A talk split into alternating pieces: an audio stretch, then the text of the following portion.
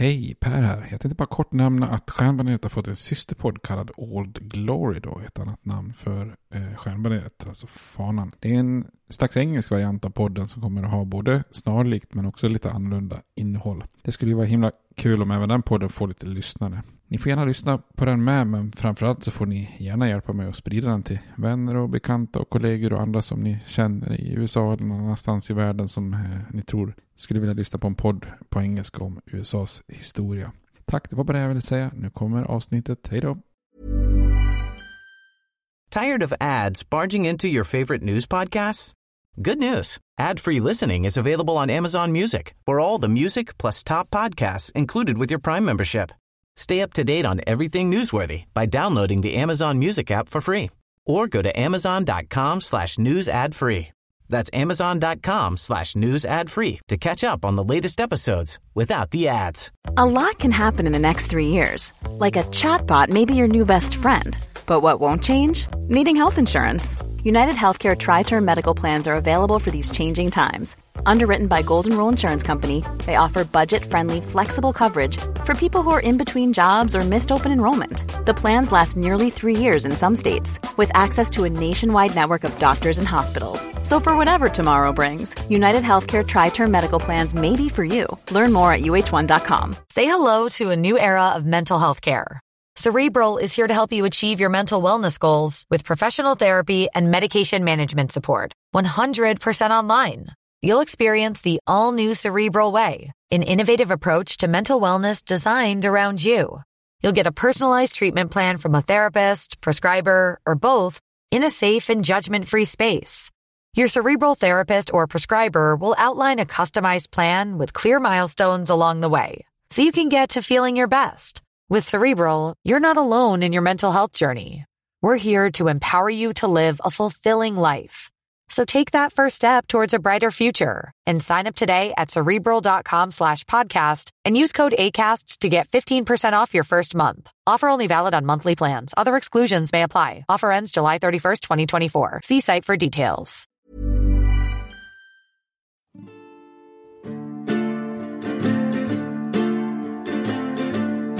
We hold these truths to be self-evident, that all men are created equal, that they are endowed by their Creator with certain unalienable rights, that among these are life, liberty, and the pursuit of happiness.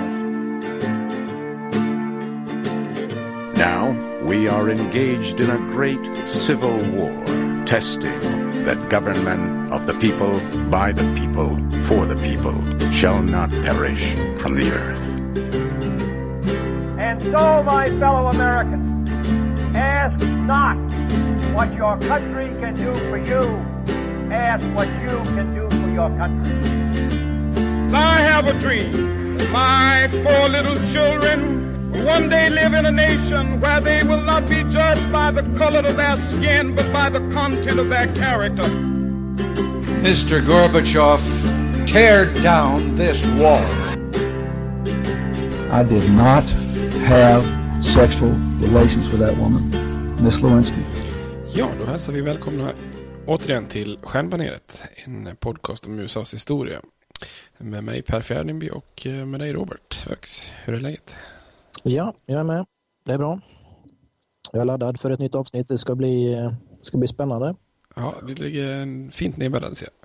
Ja, precis. Ja, jag ligger ganska bra här i sängen. Ja, härligt. Eh, ja, vi ska ju ta vid där vi avslutade förra gången och vi pratade ju om det här, den här perioden med Washington som president och han väljer ju att inte ställa upp en tredje gång. Och eh, John Adams väljs till en ny president då.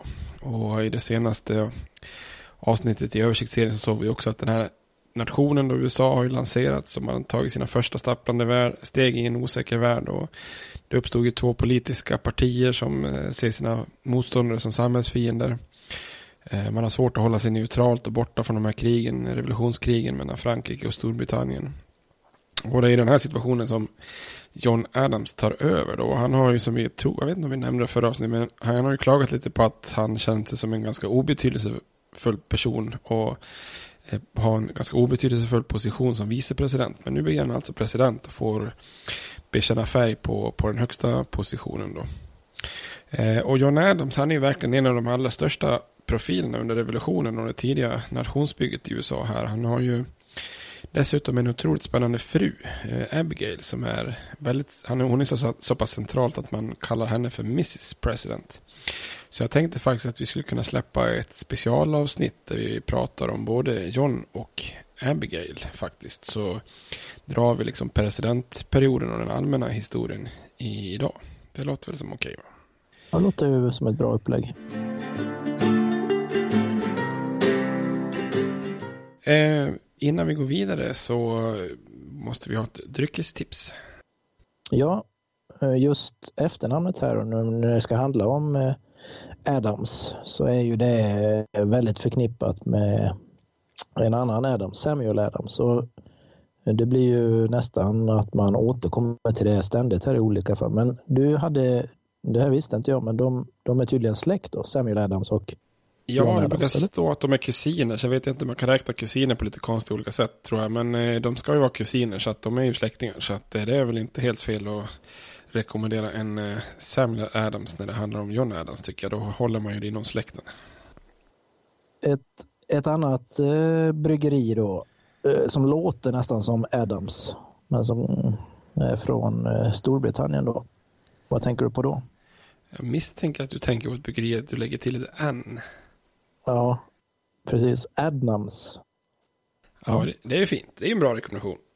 Ja, det går ju att beställa på Systembolaget också. Adnams. Det är nog inte lika vanligt nu. Jag tror de hade flera sorter för några år sedan. Jag tror jag har fått stryka på foten lite, men jag tror det går att beställa åtminstone. Ja, precis. Jo, jag var, jag var så glad en gång. Vi, jag besökte en liten ort som ligger ungefär där Themsen rinner ut på östkusten. Där, en gamla badort. South End by the Sea heter den. Eh, med jobbet. Och mm. sen så kom vi fram och checkade in på sån här lite trist brittisk hotell. Och sen så skulle vi gå ut till den lilla byn och kolla om det fanns något trevligt. Och då fanns det faktiskt en eh, Adnams pub som bara hade Adnams. De hade typ en 10, 8-10 sorter av Adnams där. Så jag hade två som inte jätteölintresserade med sig. Så, men eh, jag övertalade dem snabbt att vi liksom fick dra igenom det så att vi kunde smaka av varandra så man, fick, så man slapp dricka ja, alla, alla tio själv. Liksom. Så, ja, det är en bra rekommendation. Ja. Hade inte de någon som heter Broadside? Adnams Broadside.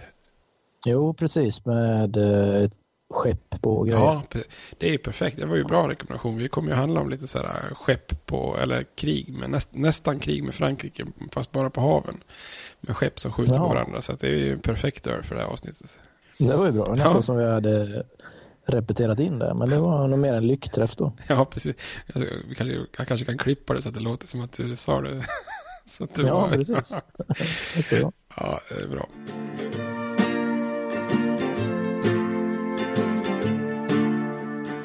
Men hur som helst, vi ska ju in på John Adams då. Han sitter ju fyra år vid presidentposten då. Och de här åren präglas eh, dels av de här striderna mellan federalisterna och republikanerna då, alltså internt. Och även då att de här krigen i Europa förvärrar situationen för det här lilla nya USA ytterligare då.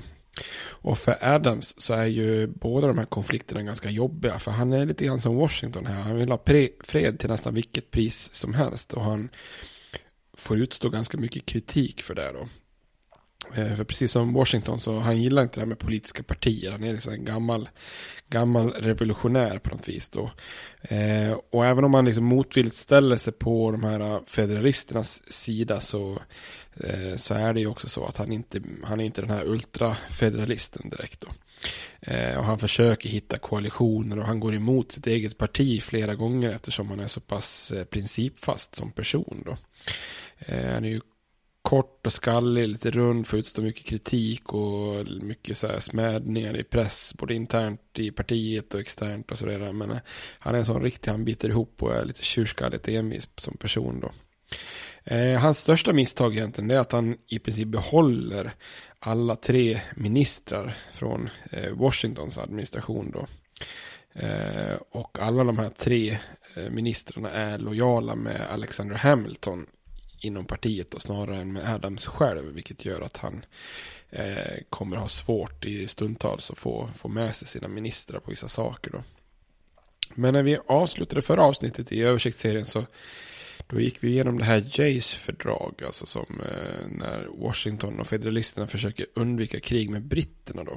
Och när man då har antagit det här fördraget så är det ju nästan att man blir liksom en slags svag allians med Storbritannien då. Och då blir ju Frankrike enormt upprörda att eh, nu verkar helt plötsligt USA och eh, Storbritannien den stora fienden för Frankrike. Nu verkar ju de teama ihop så här.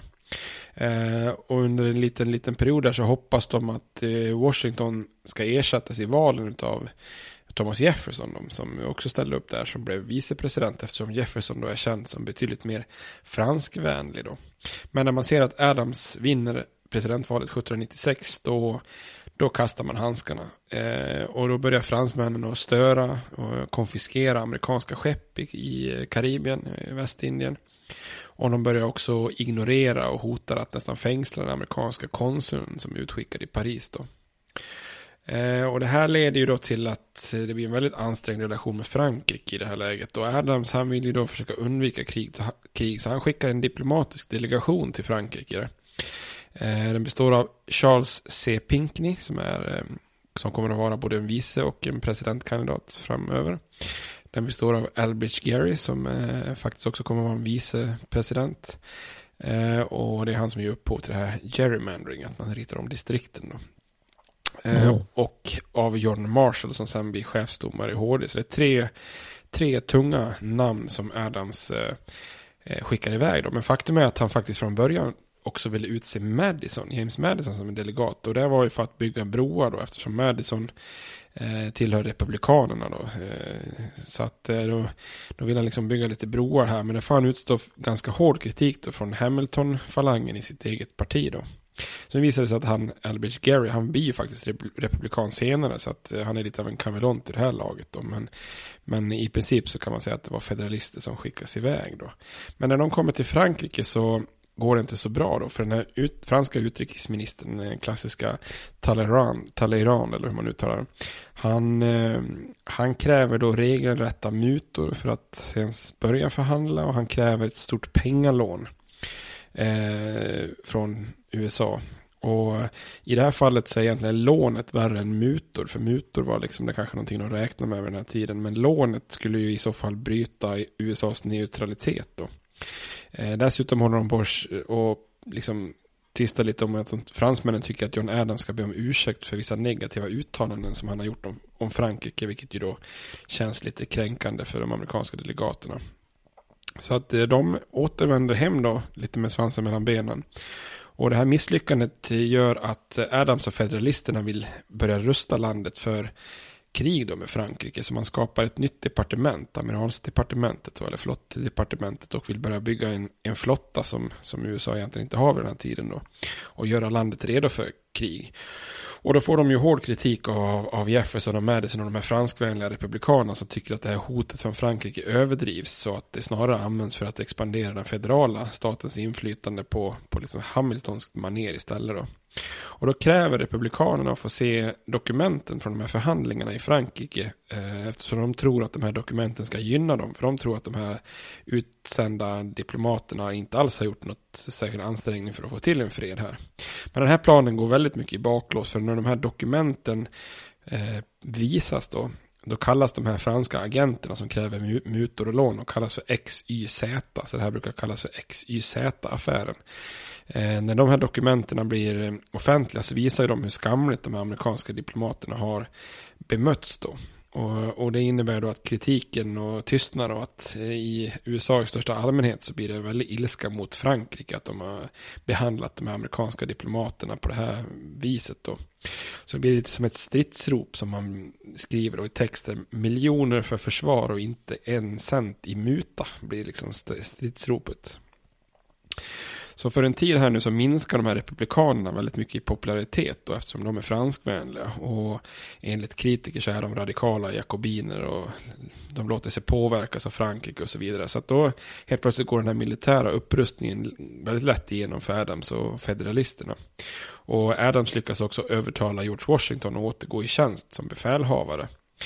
Eh, och Washington och många federalister vill ju ha Hamilton som Washingtons högra hand, precis som det var en gång i tiden under frihetskriget då. Och det här tvingas Adams mm. gå med på lite motvilligt, för att eh, han är inte så förtjust i äh, Hamilton personligt. Medan så för Republikanerna blir det här som ett värsta mardrömmen att, att man har Hamilton i fören för en armé liksom internt i USA. Det känns inte alls bra utifrån deras eh, perspektiv då. Nej.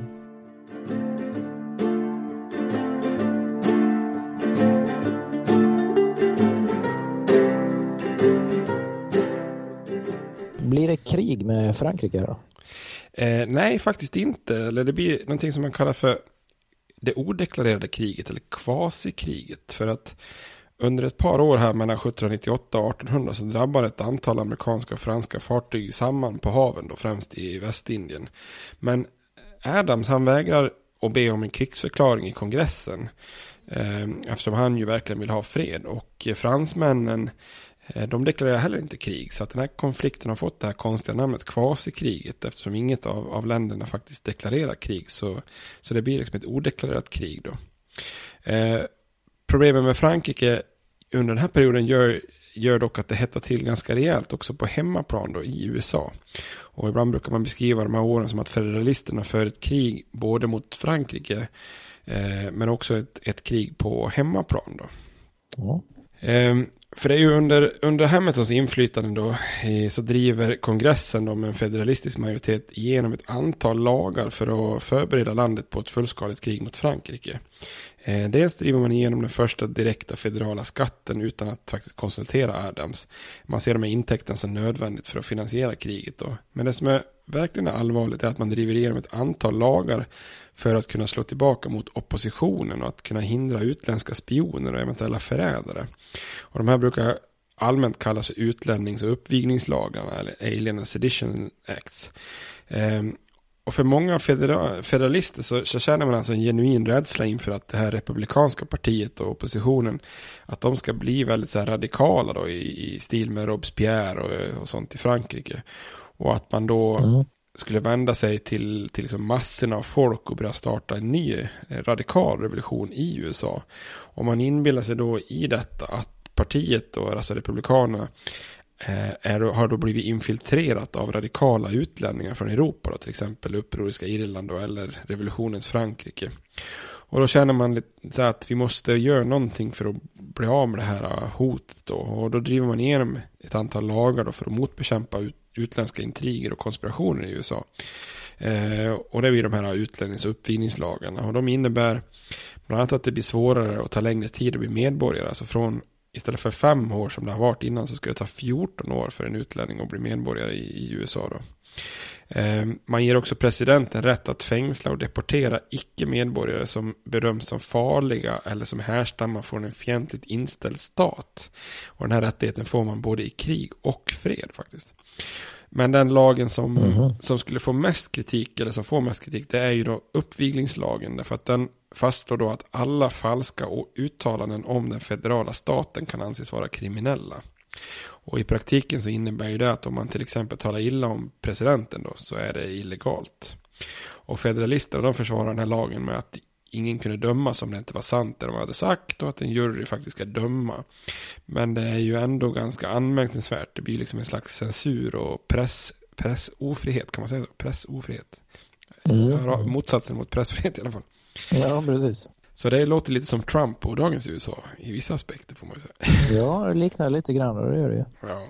ja, men det är så. Ibland kan jag ju sitta och titta på nyheterna, höra reportrar och andra som, som analyserar. Jag tycker det är lite irriterande när de beskriver nutida saker som någonting så här fullständigt unik som aldrig har hänt. Och säga, och, och, det är få saker som Trump gör som saknar historiska jämförelser. Och här kan man ju kanske dra paralleller till det här inreseförbudet, eh, fake news, kritik mot eh, kritisk media och hans förslag om att styra upp i internet och muren mot Mexiko och så vidare och så vidare etc. etc. Det är mycket som går egentligen lite grann i samma, samma linje. Men egentligen kanske man kan säga att det här är ju faktiska lagar där folk hamnar i fängelse som ju faktiskt är och tar det ett steg längre än vad, än vad, än vad Trump har gjort.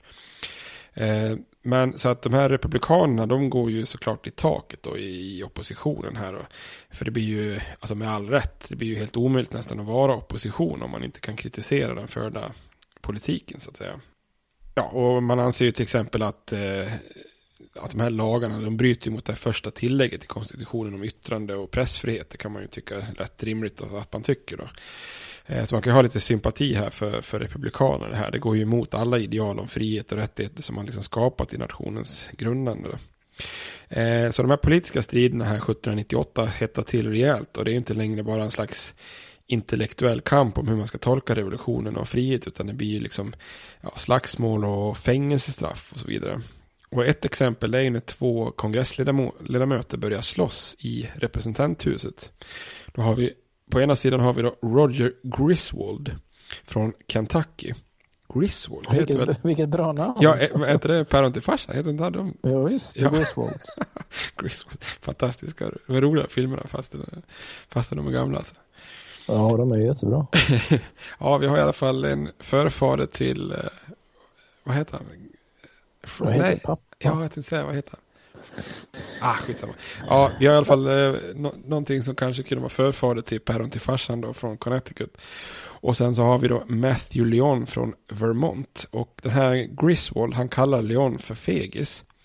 Och Leons svar på det, det blir att han gör en välriktad spottloska tillbaka mot Griswold. Den här Griswold tar i sin tur fram en käpp då för att slå Leon. Och då rycker den här Leon till sig en sån här typ grilltång eller vad det heter från en närliggande brasa för att försvara sig. Innan de hinner separera dem så är de igång där med käpp och grillgaffel. Oj. Ja, det är, det är lite Lite anmärkningsvärt då. Och då tycker ju många av samtiden att den här Leon då naturligtvis borde ha besvarat den här anklagelsen om feghet med en, att utmana till duell. Det har vi pratat om att eh, dueller är populärt på den här tiden. Eh, eftersom en anklagelse om feghet är ju egentligen det, det motsvarande mot mod. Och eh, eh, dueller handlar ju om att vara modig, så att säga, visa sitt mod. Eh, så de tycker, många tycker att han sjunker väldigt lågt, det här med spottloska och slagsmål. Men Leon, han är ju faktiskt en typisk amerikan på många sätt här vid den här tiden. För han är invandrad från Nordirland och av skotsk härkomst. Han är en sån här skotsk irländare. Och att ta till knytnävar och, och, och liknande, det ligger liksom kanske mer i hans naturliga respons än att någon slags eh, högmodig gentlemannakod med, med duell i det här läget då. En konstigt namn om han nu var irländare och skotte. Leon. Det låter ju lite mer att han skulle vara, ha någon fransk bakgrund eller något, något sånt. Ja, faktiskt. Jo, det, det verkligen. Han kanske har tagit sig namnet. Ja, det kan ju vara så också faktiskt. Men eh, och de här federalisterna i kongressen försöker få han utesluten från representanthuset men, men misslyckas då. Men han, eh, just han, Matthew Leon, han blir faktiskt också ett av de här mest uppmärksammade fallen som döms då enligt den här nya uppvigningslagen. Därför att han publicerar en text som talar illa om president Adams och då döms han till fyra månaders fängelse och hisnande tusen dollar i böter vilket ju är jättemycket pengar på den här tiden då. Eh, republikanernas svar det blir ju att man lyckas få honom omvald till representanthuset fast han sitter inne i fängelse då. Och ett annat känt fall det är en tidningsman som heter Benjamin Franklin Bush. Eh, som är då eh, Benjamin Franklins barnbarn. Eh, den kändare Benjamin Franklin då. Den, den, den, gamla kända Franklin han uppfann ju eh, åskledaren. Jag vet inte om jag har nämnt det tidigare. Jo, det känns som vi, jo, vi har ja. tagit det. det. Det här barnbarnet som heter Franklin Bush, han kallas faktiskt för Lightning Rod Junior. Bra namn va? Efter åskledaren. eh, han i alla fall, han kritiserar Washington och så kallar han Adams för blind, skallig, handikappad, tandlös och bråkig. Och det innebär att han då arresteras, men han hinner faktiskt dö innan rättegången då. Men det blir ett antal män då som döms utifrån den här uppvigningslagen. Eh, och det visar ju på något vis hur bestämda de här federalisterna är på att försöka kväsa oppositionen då. Men i det här så gräver ju federalisterna sin egen grav. För att om man säger efter publiceringen av den här XYZ-affären då när de här agenterna i Frankrike krävde mutor och lån. Då hade ju federalisterna enormt stort stöd och kunde driva igenom en massa Eh, upprustning och sånt där. Men nu tappar de stödet eh, oerhört fort då. Eh, och republikanerna då, i oppositionen går, går väldigt mycket framåt. Då. Det här eh, odeklarerade kvasikriget med Frankrike börjar påverka handel negativt eh, och många börjar börja likt republikanerna fundera på varför federalisterna mobiliserat och förstärkt armén fastän konflikten med fransmännen bara sker på havet. Är det liksom för att slå till mot den egna befolkningen eller är det för att man ska cementera nya skatter?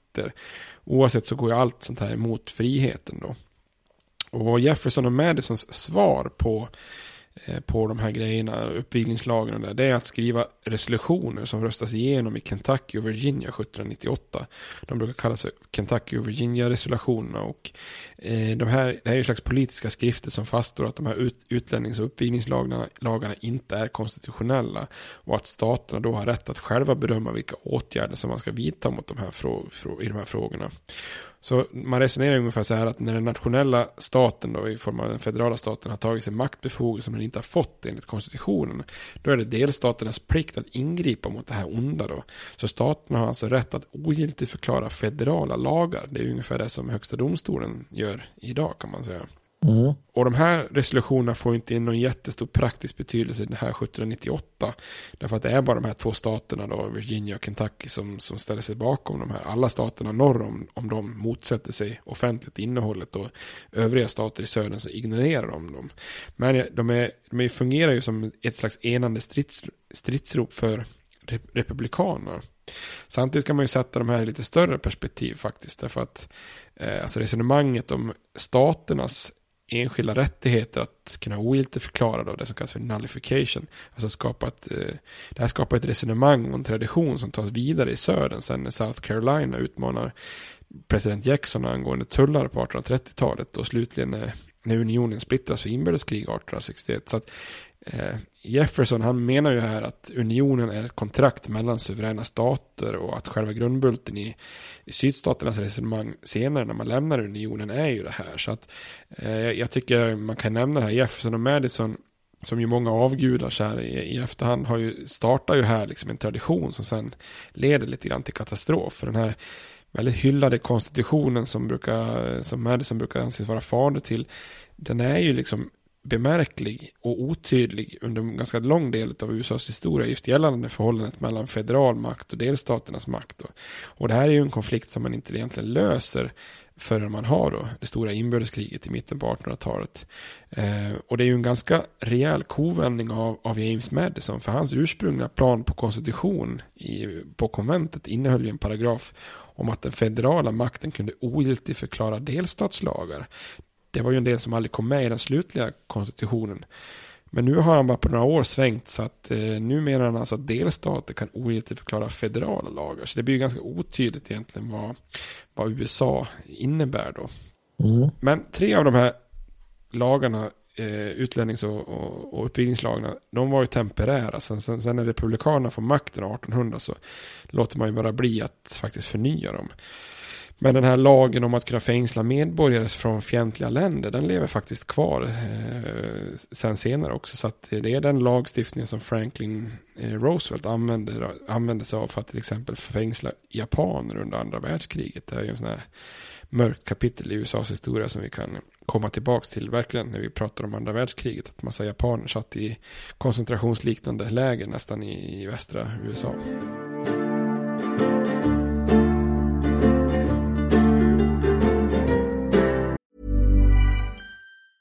Tired of ads barging into your favorite news podcasts?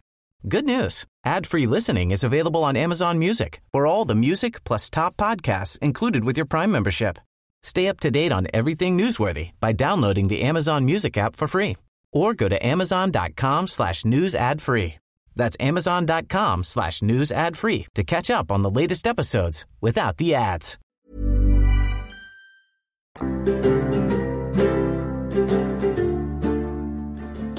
Eh, för att komma tillbaka här till kriget, hur går det i det här kriget med Frankrike? Hur, det här kvasikriget som kanske inte var ett riktigt krig då? Ja, eh, det är ju ett krig som de flesta federalister, de är ju övertygade om att det kommer att eskalera och bli ett riktigt krig mot Frankrike då. Men eh, John Adams, han vill ju någonting annat. Eh, och han är ju också lite sugen på att sätta dit Hamilton, även om de tillhör samma parti då, för han är rasande på att eh, Hamilton och hans falang då inom partiet har liksom drivit igenom flera av, av de här grejerna. Först försöker de stjäla presidentposten från honom, från honom i valet 1796. Eh, därefter så har de drivit igenom skatter och upprustningar och grejer utan att egentligen konsultera honom då. Och han är ju en man som är otroligt principfast och envis. Eh, och, och, han vill ju liksom nästan beröva dem det här kriget som de andra nästan längtar efter då. Och det är ju den här, inst den här inställningen gör ju att han i princip gör att han själv inte blir omvald 1800. Men han skiter i det för han är så principfast. Då. Och det visar sig att fransmännen och utrik utrikesministern där de ångrar sig till slut. Och eh, eh, via lite så inofficiella kanaler så låter man då Adams förstå att man nog ändå kan tänka sig att ha så att säga, riktiga fredsförhandlingar utan det här mutor och lån och sådana skitgrejer. Eh, och i det här sammanhanget så kan man också faktiskt nämna en person som heter George Logan. För att eh, ehm, han har haft egna förhandlingar som privatperson. Eh, han brukar inte nämnas i samband med den här historien. Men eh, George Logan, han är en republikan som åker till Frankrike 1798. Och när han är väl är på plats där så börjar han liksom inofficiellt förhandla med fransmännen som en privat medborgare. Eh, och han är ganska, delvis lite framgångsrik eftersom fransmännen faktiskt efter samtal med honom väljer att återuppta fredsförhandlingarna med, med USA. Då. Eh, men det är ju lite konstigt att ha en privat invånare som liksom åker ut och kör lite egen utrikesdiplomati eh, eh, politik. Så att Federalisterna fördömer honom ganska hårt och driver igenom en egen lag som får hans namn då, Logan Act. Eh, och den här Logan Act innebär att det är straffbart att ägna sig åt utrikespolit utrikespolitik privat då. Det kan man väl i och för sig mm. förstå. Det vore konstigt om du och jag åkte ut till något land och började försöka förhandla för Sveriges eh, räkning diplomatiskt. Många andra, skulle, många andra skulle tycka att det var konstigt men eh, jag tycker du skulle nog göra det väldigt bra. Jag skulle kunna vara med som någon sorts sidekick där också. Så jag tycker inte det låter så konstigt för oss. Nej, nej, precis. Nej, jag tror du är bättre på att förhandla. Jag kan, jag kan vara så att du sitter med fakta i bakgrunden kanske. Ja, ja, du, okay, du är bättre med på det sociala spelet. Ja, det kanske är. Ja. Men den här Logan-lagen i alla fall, den ligger faktiskt mer eller mindre vilande, men har faktiskt på senare tid hamnat i fokus igen nu, inte minst under Trumps första tid här och strax innan. För att det är ju exempelvis den här, han hade ju nationell säkerhetsrådgivare, Michael Flynn till exempel, som avgick efter att han kanske då hade haft kontakt med ryssarna innan Trump valdes. Så även, man har ju den här Jeff Sessions som har varit utrikes, eller justitieminister, man har ju också ifrågasatt ifall han har haft så här Rysslands kontakter. Och då är ju frågan så att säga, in, har de haft en massa kontakter innan Trump valdes, då har de ju agerat som privatpersoner. Så att nu när man har haft den här Rysslands kontroversen så har ju faktiskt den här Logan-lagen dammats av. Men den härstammar faktiskt från eh, här, slutet på, på 1700-talet faktiskt. Ja. Adams han skickar i alla fall iväg en delegation för att fredsförhandla på nytt och, och man lyckas förhandla fram ett avtal 1800 som godkänns av Napoleon Bonaparte som då har tagit makten i den här Brumaire-kuppen då har ju Adams liksom sett till att det inte blir något krig och då får han ju ta emot enormt med skit från de här andra federalisterna. Eh, både från sina egna ministrar och andra utanför administrationen då. Eh, därför att de tyckte att det borde ha blivit ett krig där. Eh, och det är knappt så att senaten får ihop de här två tredjedelarnas majoritet som behövs för att ett fördrag ska godkännas i senaten det är ju senaten som är involverad, den delen av kongressen som är involverad när det gäller fördrag, då, precis som det är representanthuset som är den enda som får ta initiativ till ekonomisk lagstiftning. Det tror jag vi nämnde kanske aldrig där när vi pratade om konstitutionen, men de, de här olika kamrarna har ju lite olika roll i kongressen. Och Adams popularitet vid den här tiden dalar ju rejält då, därför att många federalister så ger honom ju väldigt svårt stöd i nästa presidentvalet. Eh, som kommer då. Eh, och Hamilton han är ju jätteupprörd och han är ju krigssugen och vill ju gå i bräschen för sin armé då. Och han föreslår till och med som alternativ då, nu när man ändå liksom har mobiliserat att man ska attackera Frankrikes svaga allierade Spanien och försöka erövra New Orleans och Louisiana-territoriet då. Men det skiter ju Adams högakt, högaktigen i då.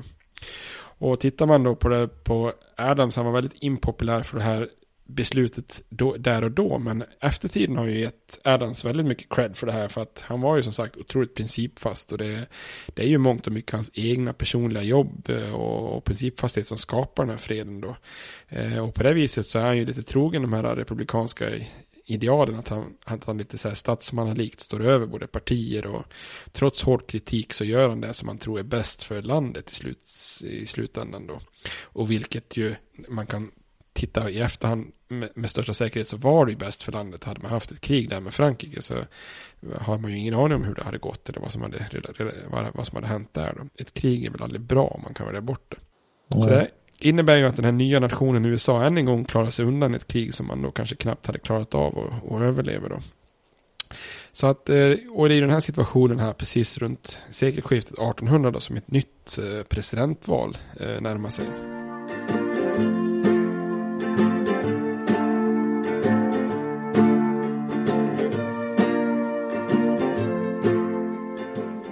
Inför det kommande valet här, det måste vara ganska, vad ska man säga, spänd stämning eller eh, det, det skulle kunna bli ett väldigt intressant eh, val och valår inför detta då med olika eh, konflikter och personer på olika sidor och ja, kanske lite bespottande eller liksom svartmålning av olika personer också tänker jag. Ja, precis. Jo, det brukar vara, det är ju, ju egentligen dubbel, dubbelrätt där. För det är ju kanske ett av de eh, tuffaste valen någonsin. Eh, och ett av de viktigaste valen. Men det är ju också väldigt mycket smutskastning och mycket så här, vad heter det, heter det karaktärsmord. Eller alltså att man eh, mm. går på person då. Vilket ju till exempel gör John Adams otroligt upprörd eftersom man tar väldigt mycket personligt där. Eh, så att eh, det är ju också en sån här grej som alltså redan i det fjärde presidentvalet i USAs historia så är det väldigt mycket personangrepp och svartmåleri och sånt där och fokus på den andra sidans negativa bitar. Så att det är heller inget direkt nytt fenomen i USAs eh, politik då. Men eh, valet 1800 det är ju helt klart om man ska räkna upp liksom här, typ topp fem av de viktigaste presidentvalen i USAs historia så bör väl kanske det här valet 1800 vara, vara med på som, som, eh, som ett av dem då. Och varför är det så då? Men det är, det är ju det är ju många av den här tiden som ser på det här med republikanism, alltså att, att man har gjort en republik då. Att, att det här handlar om en slags ständig kamp mellan frihet och eh, makt då. Eh, är det för mycket frihet utan för, med för lite styre och makt, då blir det anarki. Och det är ju det som federalisterna är livrädda för. Men blir det för mycket makt utan frihet, då leder det till despotism liksom, eller eh, ja, så. Och det är ju det som republikanerna då är Eh, är livrädda för. Då. Så i den perfekta republiken så ja, då lämnar ju folk en liten del av sin frihet till valda representanter som sen då skyddar dem genom att man har sin makt och, inom vissa gränser. Då.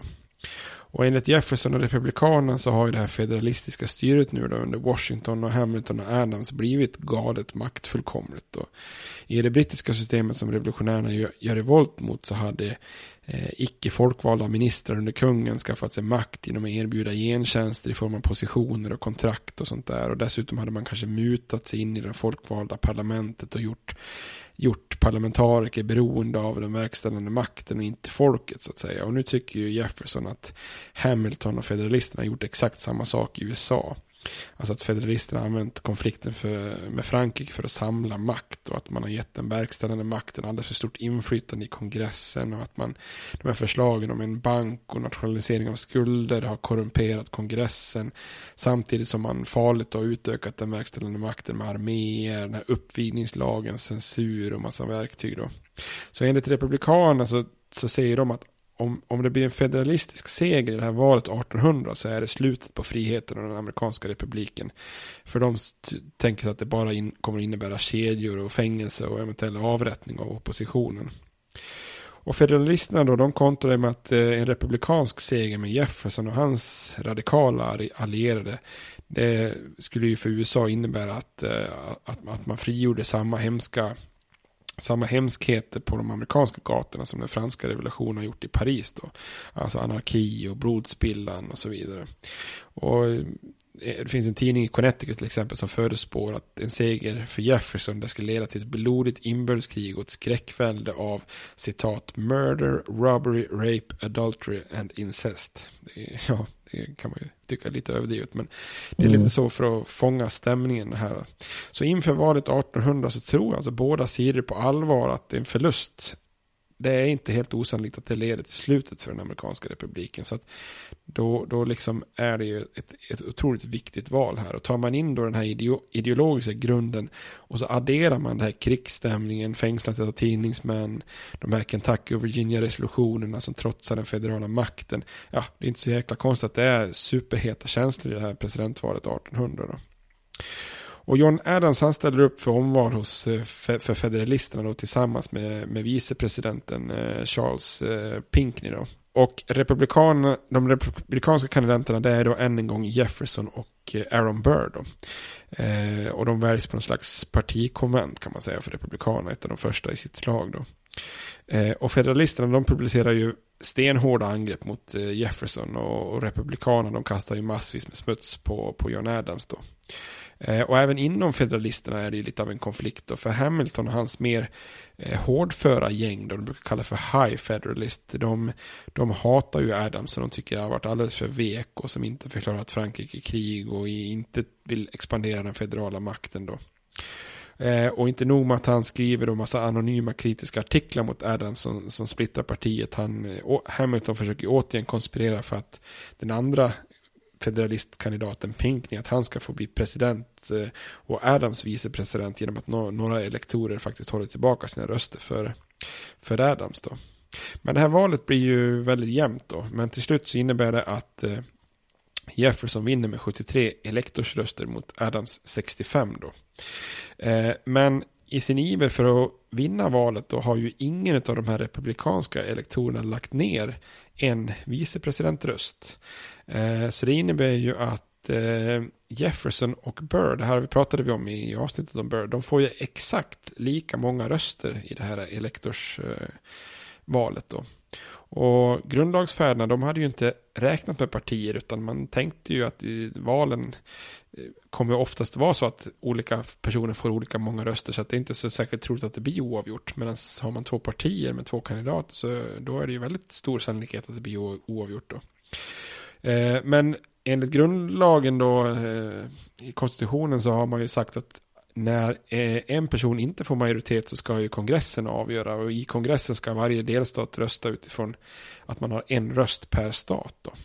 Och det här hade kanske inte varit något problem om den nyvalda kongressen som väljs samtidigt som får republikansk majoritet, om det var de som skulle fatta beslutet. Men det knepiga här är att den, det är inte den som, som sammankallas, för den sammankallas för långt senare, utan det är den sittande kongressen där federalisterna har majoritet som får avgörandet i sina händer. Då. För man är en sån där så kallad lame, lame duck congress. Eh, lame duck det är ju en president eller en kongress som fortfarande tjänstgör en tid efter att det står klart att, att, en, att någon annan har valts som president eller att en annan kongress ska ta över. då ett lite sånt där missuppfattat uttryck eh, ser man på nyheterna. att eh, Ibland tror vissa att bara för att det är så divided government, alltså att president och kongress tillhör olika partier. Det försvagar ju till exempel en president att han inte kan dra, driva igenom sin politik. Och då hör man ibland folk säga att ja, men det, då är man en lame duck. Men det, det är ju egentligen inte alls eh, ordets rätta bemärkelse. Utan då är det att man har blivit att man kanske har försökt bli omvald eller inte får bli omvald och sen har redan, redan ersättaren utsetts. Så det är alltså en sittande kongress som inte är den som har valts i samma val då, eh, som ska avgöra vem som blir president. Så då har ju liksom helt plötsligt federalisterna i värsta läget här och jävlas med sina motståndare. Eh, och det här då dessutom i en situation där många tror att republiken är på väg att gå under. Så det är ju ett ganska spänt läge här när man ska försöka rösta om vem som ska bli president då. Eh, ja. Under sex dagar så har man alltså eh, 37 omröstningar om man lyckas inte lösa situationen. Eh, så att här är det liksom, ska man säga, en konstitutionell kris då. Men då är det några som håller på att kohandla lite grann. De har löftat att Republikanerna inte ska skrota Hamiltons ekonomiska system helt och, och liksom godtyckligt sparka alla federala tjänstemän på grund av partitillhörighet. Så finns det vissa federalister som faktiskt ser till att Jefferson då blir landets tredje president. Och Hamilton själv bidrar ju faktiskt här också, för även om, även om Jefferson är hans liksom ideologiska mm, motståndare så tycker han ju så illa om Aaron Burr som vi ser då i det avsnittet om Aaron Burr att de faktiskt ju går till en duell där. Och, eh, så att han, han, han förespråkar ju till och med Jefferson framför Burr där. Ja. Och för att hindra att sånt där kaos uppstår igen då, så tvingas man ju erkänna att partisystem faktiskt har uppstått och att man gör då ett tillägg till konstitutionen, det tolfte, där man slår fast att det måste vara separata omröstningar för president och vicepresident. Att alla elektorer har två öronmärkta röster, den ena går till president, den andra går till vicepresident, så att det redan är givet på förhand vem som ska vara vilken då. Mhm. Så den här krisen 1800 kallas ju ibland för revolutionen 1800 efter att Jefferson menar på att det är en enorm, revolution när han tar över presidentposten. Och det är ju en viktig milstolpe i, i USAs historia därför att alltså makten lämnas ju här över fredligt från ett parti till ett annat. Det blir ingen blodvite, det blir ingen korruption, eh, det blir inga försök till konspiration eller militärt övertagande eller någonting sånt här. Så att det här ser ju många som att det är ett kvitto på att faktiskt konstitutionen fungerar och att de här eh, republikanska idealen eh, kan överleva. Det låter ju självklart idag, men det var ju ganska unikt för sin tid. Så att eh, för många federalister så var det ju en väldigt lättnad att man faktiskt kunde lämna över makten utan att det blev en ny revolution som liknar den franska. Då. Så att då är ju då, vad heter det, Jefferson på väg in och inta presidentposten då. Och John Adams han är så sur över sig. Han tycker att folk har varit så elaka mot honom i valet så att han och hans fru lämnar faktiskt presidentbostaden tidigt på morgonen eh, utan att delta i installationsceremonin då. Så de träffar aldrig Jefferson där. Så det kan man ju tycka är lite småaktigt men kanske lite grann i linje med Adams personlighet då. Man misstänker ju starkt att Obama kanske hade velat gjort detsamma på något vis. Att inte, inte vara med på Trumps installation. Ja, utan bara ja. schappat iväg och flytt. Eh, till, till Adams försvar kan man säga att han också är lite bedrövad för att en av hans alkoholiserade söner faktiskt har dött kort innan. Då, så Men en sak som man kan också nämna med det här valet 1800 som är en liten tagg i sidan då på många i nordstaterna. Det är att om du kommer ihåg när vi pratade om konstitutionen så fick ju slavstaterna en eh, boost i representationen i representanthuset genom att tre femtedelar av slavbefolkningen räknas in liksom för att mm. fördela platser i representanthuset. Och eftersom det här är ju också ett ökat inflytande i presidentvalet eftersom antalet elektorer bygger ju på antalet kongressledamöter då, eh, senatorer och, och representanter då. Och hade då, hade då slavstaterna inte fått tillgodoräkna sig de här tre femtedelar av slavbefolkningen eh, så räknar man om resultatet utifrån det då hade ju John Adams vunnit presidentvalet 1800 då. Eh, så det var ju många som tycker det är lite surt då, särskilt med tanke på att Adams var emot slaveriet och Jefferson är slavägare liksom. Mm. Eh, och det här gör ju att Jefferson sen ibland kallas för negro president. Ja. Och eh, som vi nämnde innan också, eller om det var förra avsnittet, Adams är faktiskt den första presidenten som får flytta in i det som kommer att bli Vita huset i Washington innan det är riktigt färdigbyggt faktiskt. Men han hinner bara bo där några få månader innan Jefferson tar över då.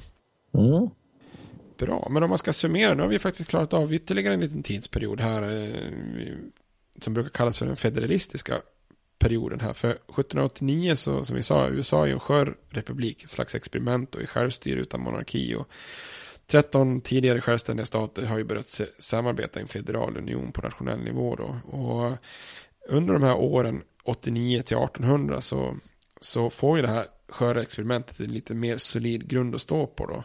Eh, Hamilton lanserar det här omfattande ekonomiska programmet eh, eh, och, och, får ekonomin att lyfta, bli stark och Washington och Adams lyckas med knapphet manövrera diplomatiskt och hålla den unga nationen borta från krig med Europa europeiska makterna som de lätt hade kunnat förlorat. Så de lämnar ju efter sig en, för den tiden då, eh, stark centralstat. Den är ju inte stark med modern bemärkelse, men på den här tiden en ganska central, stark centralstat. Då. Och utan Washington och Adams bestämdhet vid rodret som presidenter, utan Hamiltons breda tolkning av konstitutionen så, så hade kanske USA varit betydligt mer splittrat och svagt eh, och kanske mer öppet för erövring av främmande makter. Så att federalisternas politik skapar ju visserligen en stark opposition då så att säga. Eh, där, man, där man får en debatt kring vad, vad frihet och republik ska, ska på något vis eh, betyda då. Så att det är ju en intressant splittning för att vi har ju ett antal revolutionärer som från första början är egentligen är vänner då. Alltså Washington, Adams, Hamilton, Jefferson, Madison. Eh, de står ju enade tillsammans med britterna och skapar USA. Men så fort man lanserar USA så är de ganska snabba på att splittras och konfronteras i två olika läger då. Och det är framförallt Hamiltons som personlighet och vars ekonomi, eh, ekonomiska politik faktiskt splittrar och den här splittringen i partier chockar ju väldigt många av de här grundlagsfärderna faktiskt. Mm. Det där ger ju sen som vi ser här nu att Jefferson och Republikanerna tar över och det, det kanske Alltså, det kanske inte är så konstigt, för i början lever de här federalisterna på en ganska stark bas i nordost och de mellersta staterna och bland eliten i, av slavägare i söder då. Och gemensamt för alla de här eliterna är att man vill etablera någon form av effektiv central stat utifrån konstitutionen. Men de här federalisternas lite så här elitism och aristokrati då, eller tendenser till monarki som, som kritikerna hade sagt och blir ju också dess fall. Därför att framtiden ligger ju inte framför de här federalisterna för de, de inser ju inte att utvecklingen som USA har slagit in på är ju att gå mot ett mer demokratiskt och inkluderande system då. Eh, så det här gynnar ju republikanerna som, som ju sen kallas just för demokratiska republikaner. De, de inser ju snabbare att den här utvecklingen är framtiden. Så att deras kritik mot arméns expansion, nya skatter, uppvigningslagen och så vidare Eh, att det hotar den individuella friheten och delstaternas självstyre det gör att de ju får allt större stöd bland till exempel immigrantgrupper och mindre jordbrukare utanför New England. Så att eh, man vinner ju både presidentposten och kongressen 1800 och eh, till federalisternas eh, pluskonto får man ändå lägga att de släpper, släpper ifrån sig makten helt, eh, helt fredligt faktiskt. Så att eh, nu har vi klarat av de federalistiska presidenterna. Så nu ska vi gå in på när man går in på det som kallas för den Jeffersonska eran här, 1800 till 1815 i kommande avsnitt. Förutom att vi ska göra porträtt av John Abigail Adams och, John, och Alexander Hamilton. Ja, spännande. Yes.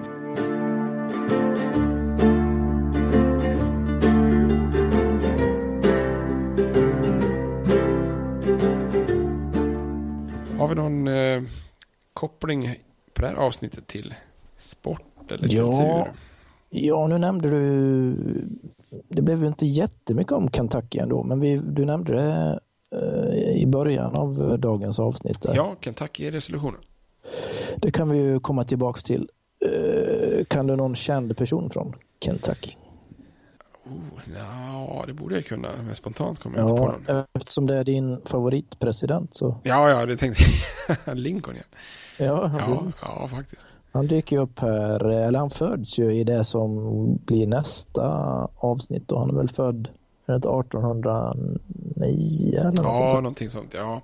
Man förknippar honom väldigt mycket med Illinois eftersom där han gör politisk karriär. Men det är lite spännande för jag tror att faktiskt både han och eh, Jefferson Davis som är sydstaternas president båda föds i Kentucky. Så de är egentligen från samma stat. Ja, spännande. Sen har vi ju Cassius Clay som blir Muhammad Ali är ju också då från Louisville. Just Louisville, Kentucky. Mm. Eh, ska man gå på film så kan vi ju ta, det här nämnde ju du för mig så det kan väl du ta lite, Master and Commander heter den va? Den här ja, eh, sjöfartsfilmen. Jag har inte riktigt koll på själva handlingen men det är väl fransk, är både franska och brittiska skepp då som han, ja, precis. Russell Crowe försöker Nej, jag tror att Russell Crowe är väl en brittisk kapten va? Eh, Aha, så och så jagar han franska skepp. Men jag tänkte att det var ändå var lite så här skepp och dueller på haven. Eh, så det är, inget, det är inget amerikanskt skepp med egentligen i filmen. Så sett. Men, Nej, okay. Eh, men jag tänker, den är, jag kommer inte ihåg vilket år den utspelar sig. Men jag tänker att den är väldigt tidstypisk för just de här krig, eller konflikterna mellan skepp och dueller mellan skepp och haven där. Det är ju ja, Russell Crowe, sen är ju han Paul Bettany med han han den blonda skådisen eh, spelar någon slags vetenskapsman, läkare eller någonting ombord på skeppet. Han försöker göra vetenskapliga experiment och så får han rusa tillbaka till båten flera gånger. Mm.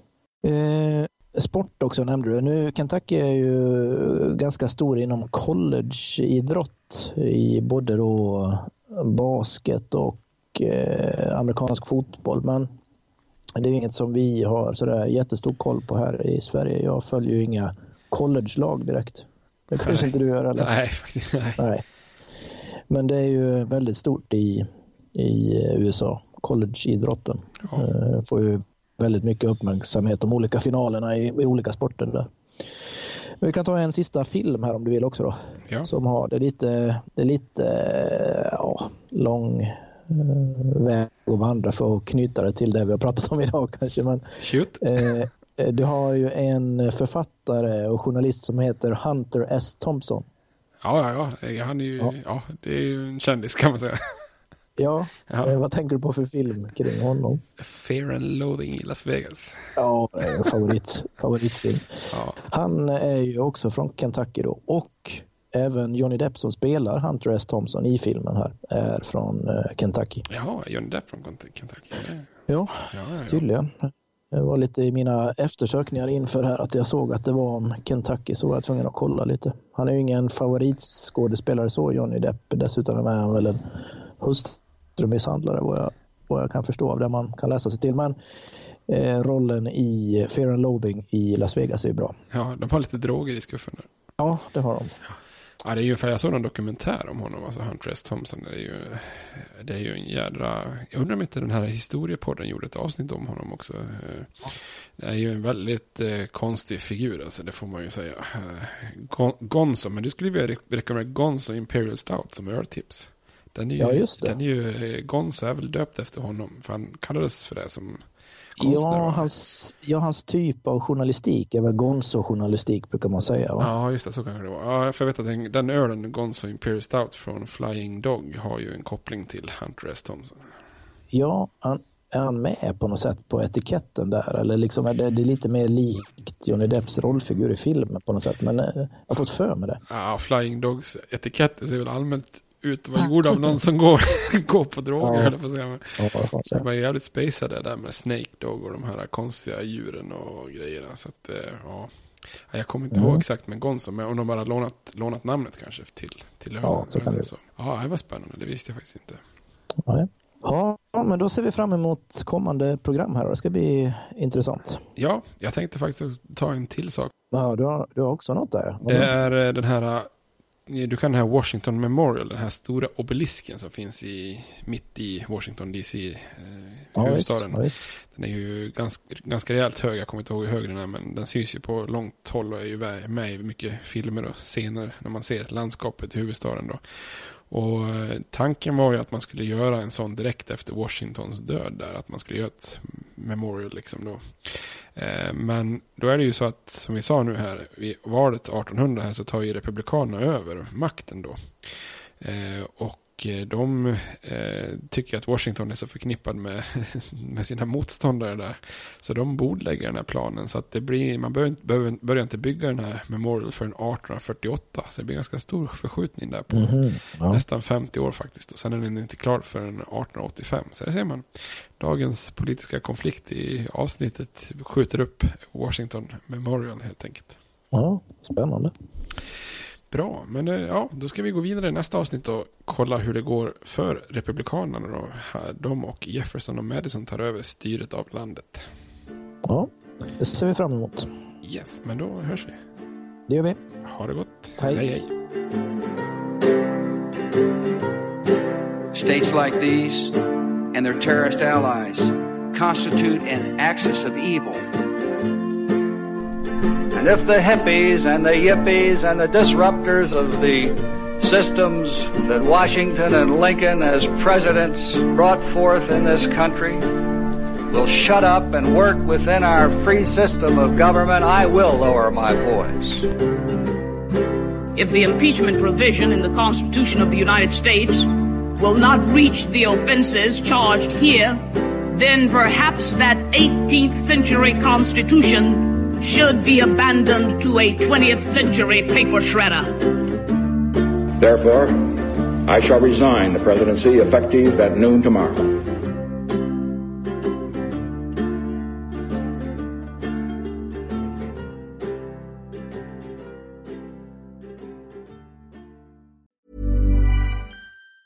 Tired of ads barging into your favorite news podcasts?